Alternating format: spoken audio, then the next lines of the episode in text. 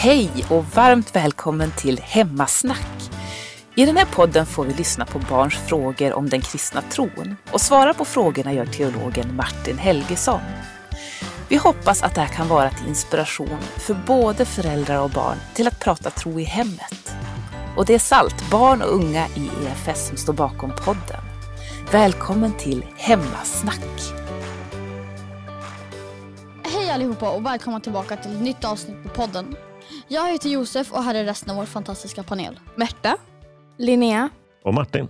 Ehm, tyvärr är inte Marie här idag, men därför är det vi barn som är ledare. Och idag ska vi prata om Jesu tid på jorden. Yes. Jag tror att den första frågan kommer från dig Josef. va? Ja, eh, ja det var ju, de, Jesus hade ju tolv lärjungar som Bibeln skriver mest om.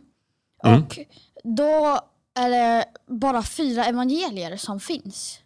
Då är det Markus, eh, Matteus, Lukas och Johannes, evangelierna som finns. Varför skrev inte fler av hans lärjungar om honom? Mm. Eh, det är ju en bra fråga och jag har inget definitivt svar på den. Men jag har några tankar ändå. Alltså dels så är det ju rätt så länge sedan Jesus levde här på jorden. Och vi vet att mycket av det som skrevs för tusentals år sedan har ju gått förlorat. Så det kan ju vara så att någon har skrivit någonting som bara inte har blivit bevarat till vår tid. Eh, å andra sidan så vet vi ju att eh, det som eh, de andra evangelierna och breven och så Församlingarna tog ju verkligen vara på dem och, och kopierade, skrev av dem för hand och skickade runt dem till varandra. Så att det är nog kanske inte främst därför. Men eh, en eh, anledning skulle kunna vara att man eh, helt enkelt tyckte att fyra evangelier var tillräckligt många och att man inte hade något att tillföra. Ett annat skäl skulle kunna vara att de hade fullt upp med annat.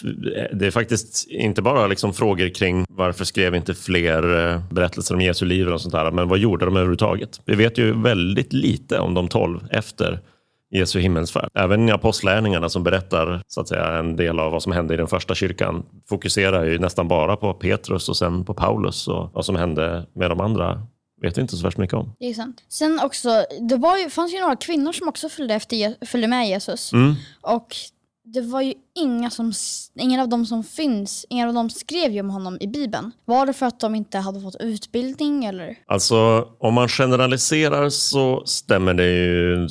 Eh, alltså i allmänhet så var det fler män som fick chansen att utbilda sig än kvinnor på den tiden. Men det fanns absolut undantag. Men det, alltså för oss, om man vill skriva en bok så är det ju inte så jättekomplicerat på sätt och vis. Det är svårt att slå igenom och bli en framgångsrik författare. Men eh, vem som helst kan köpa skrivmaterial billigt eh, i affären om man vill skriva för hand. De flesta av oss har inte bara en utan flera olika prylar vi skulle kunna skriva på, även om det kanske är tröttsamt att skriva en eh, hel bok med tummarna på mobilen. Men det är ganska mycket på den här tiden som ska stämma för att man skulle kunna skriva eh, någonting ordentligt. Man ska ha eh, materialet, man ska ha tiden att göra det.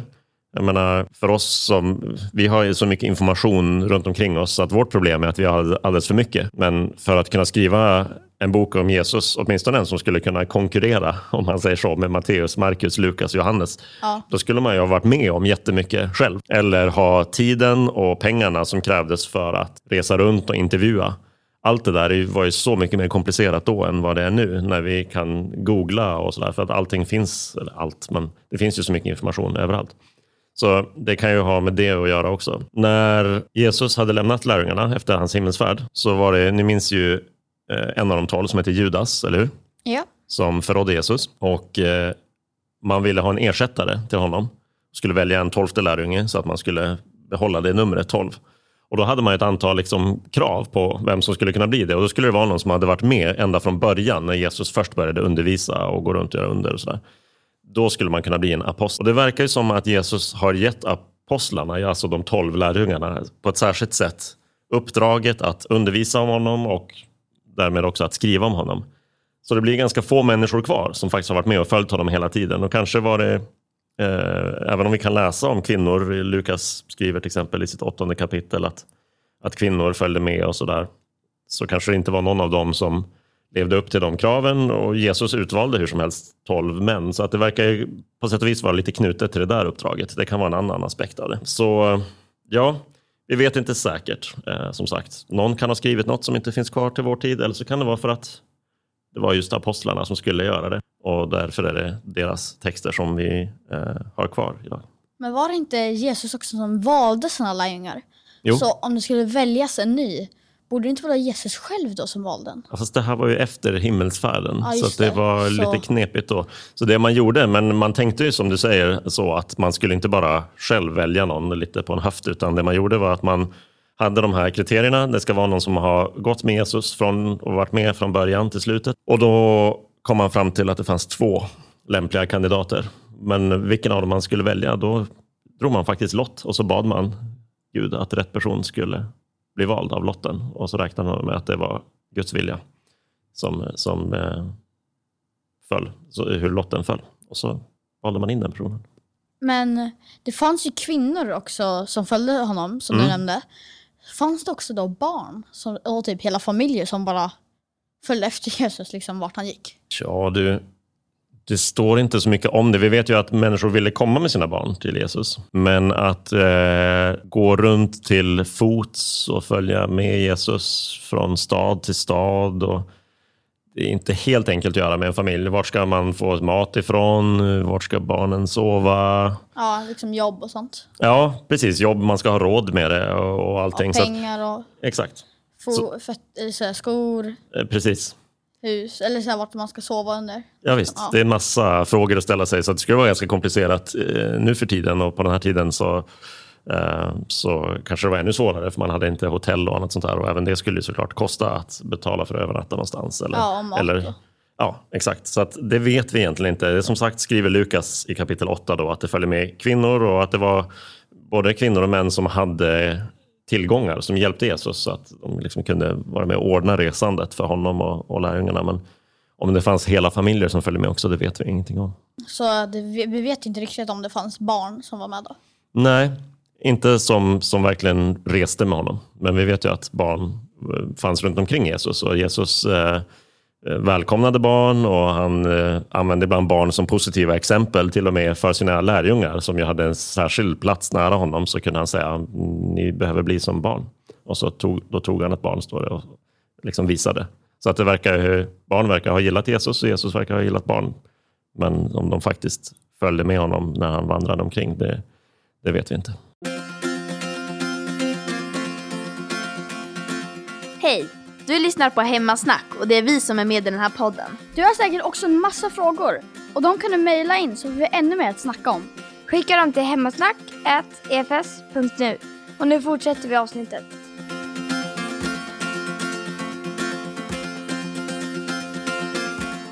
Jag har en fråga. Mm.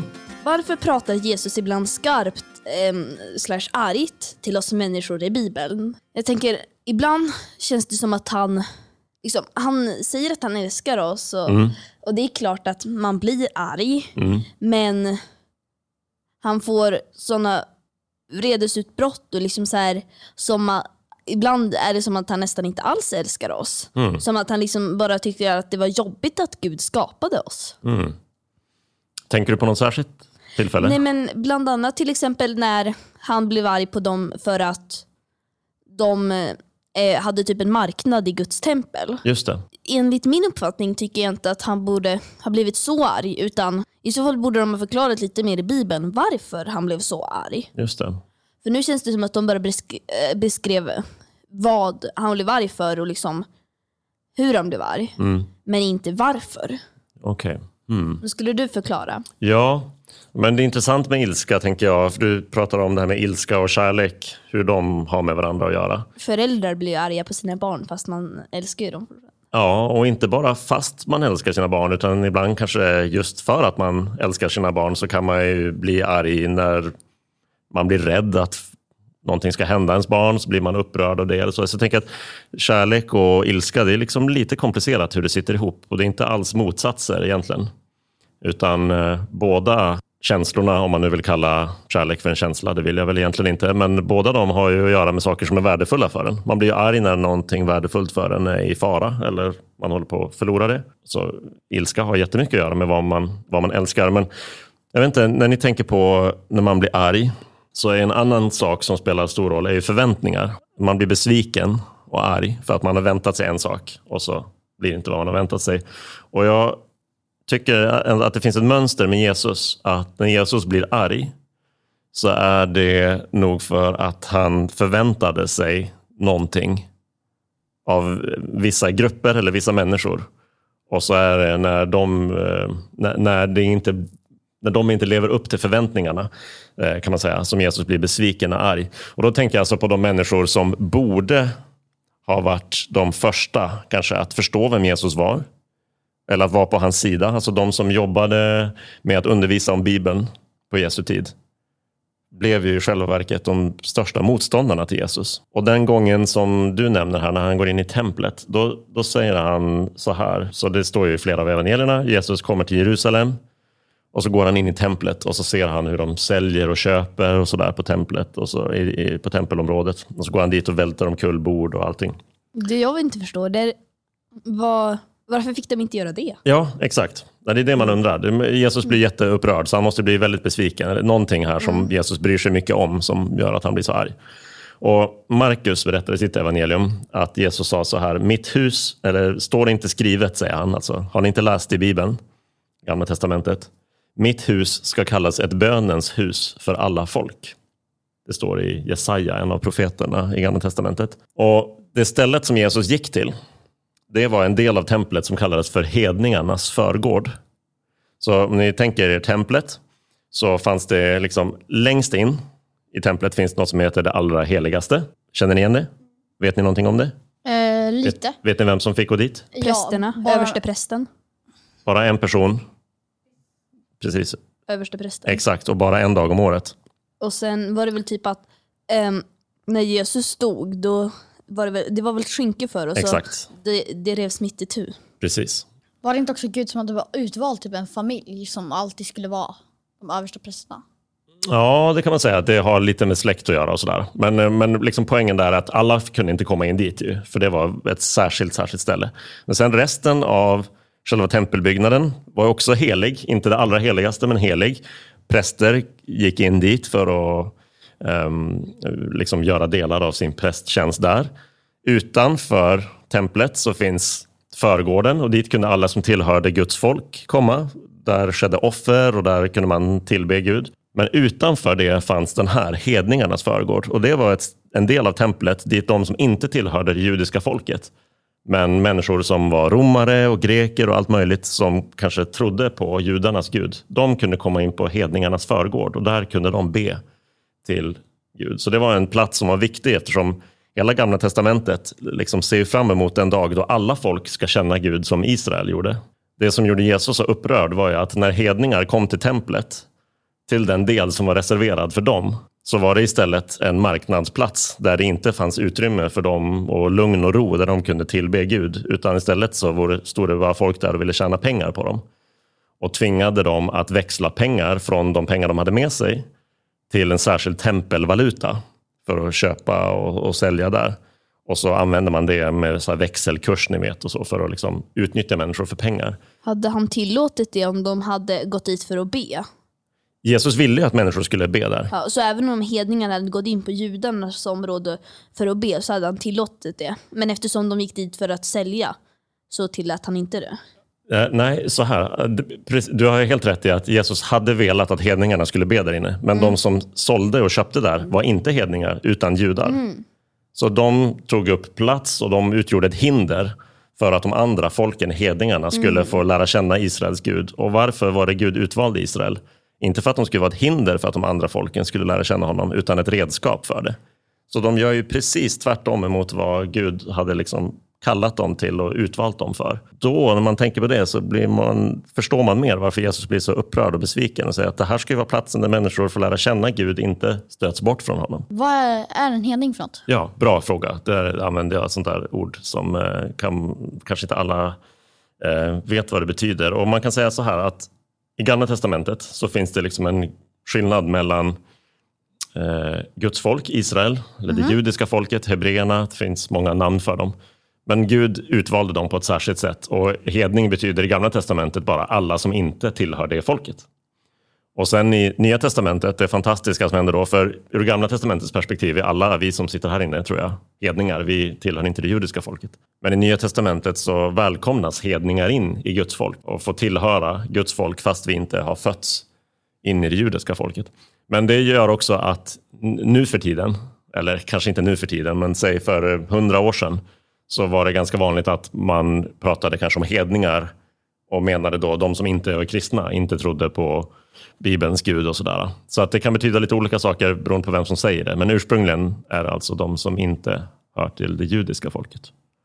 Men så du menar liksom, skulle jag kunna äh, typ så här, byta från kristendomen till judendomen?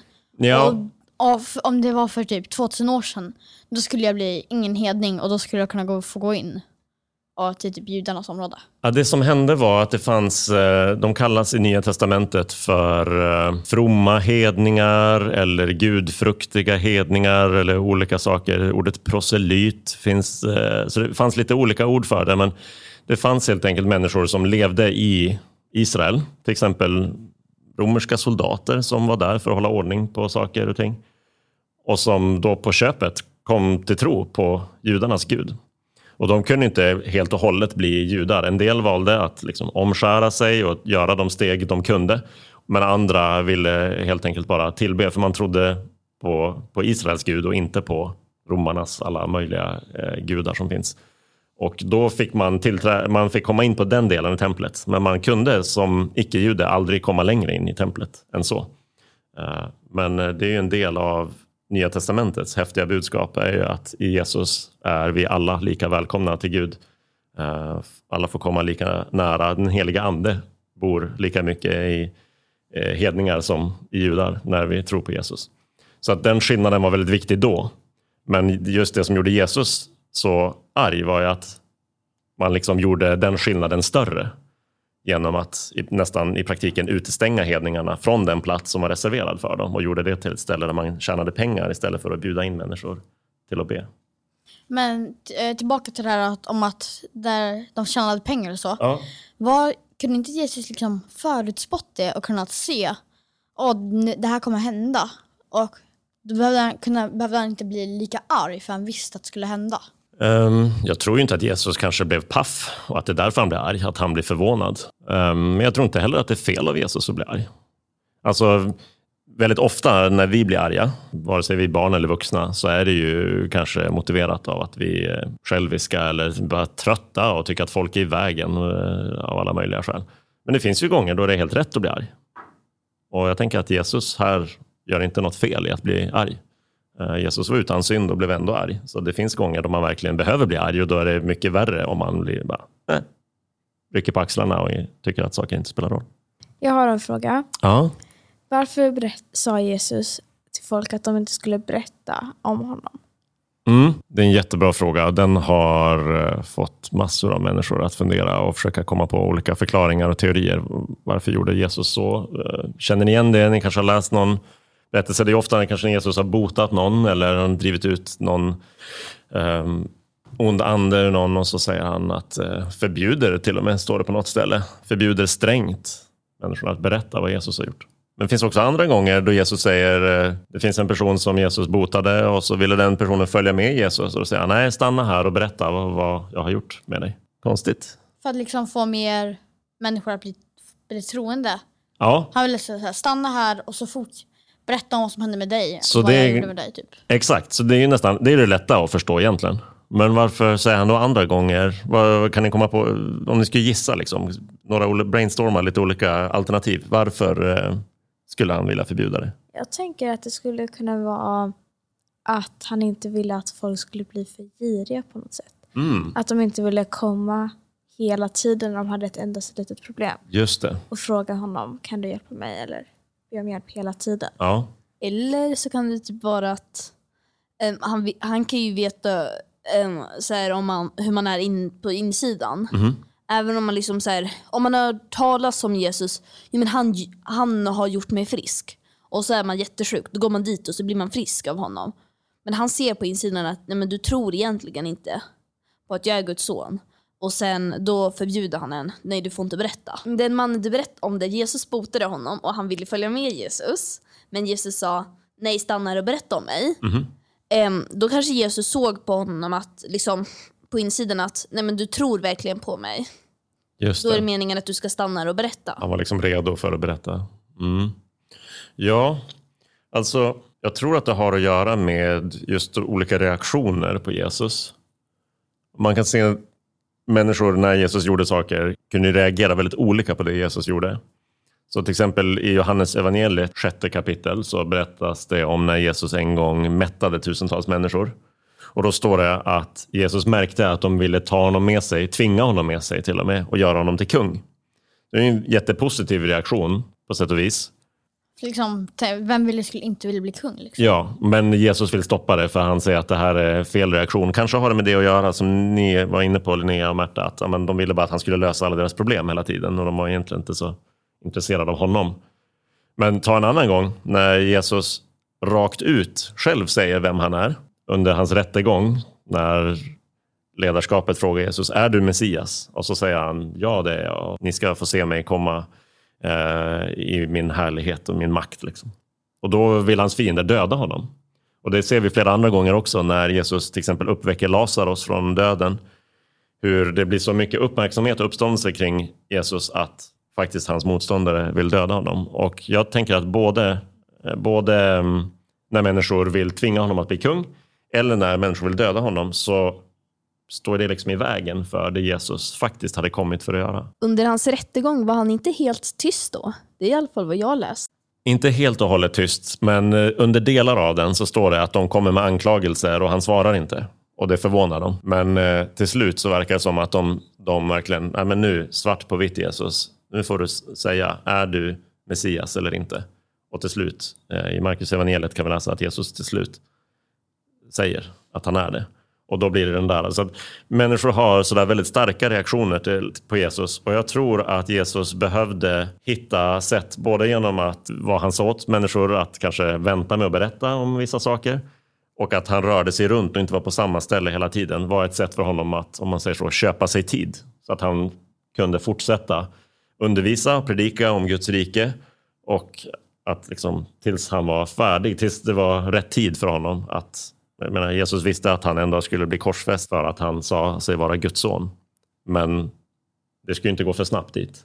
Och hade människor direkt börjat sprida nyheterna om honom så, så skulle det ha skapat problem för Jesus alldeles för snabbt. Vad tror ni om den eh, förklaringen? Kan den stämma? Eller Det är låter det troligt. fortfarande saker som är knepiga med det? Mm, inte riktigt, var en väldigt bra förklaring. För det är någonstans också eh, som Jesus säger, vänta med att berätta det här tills efter min uppståndelse. Och även om lärjungarna inte fattade det då, vad han menade, så förstår de väl i alla fall, ja men då väntar vi. Och, och sen kunde de gå ut och berätta om Jesus och skriva ner vad han gjorde och så.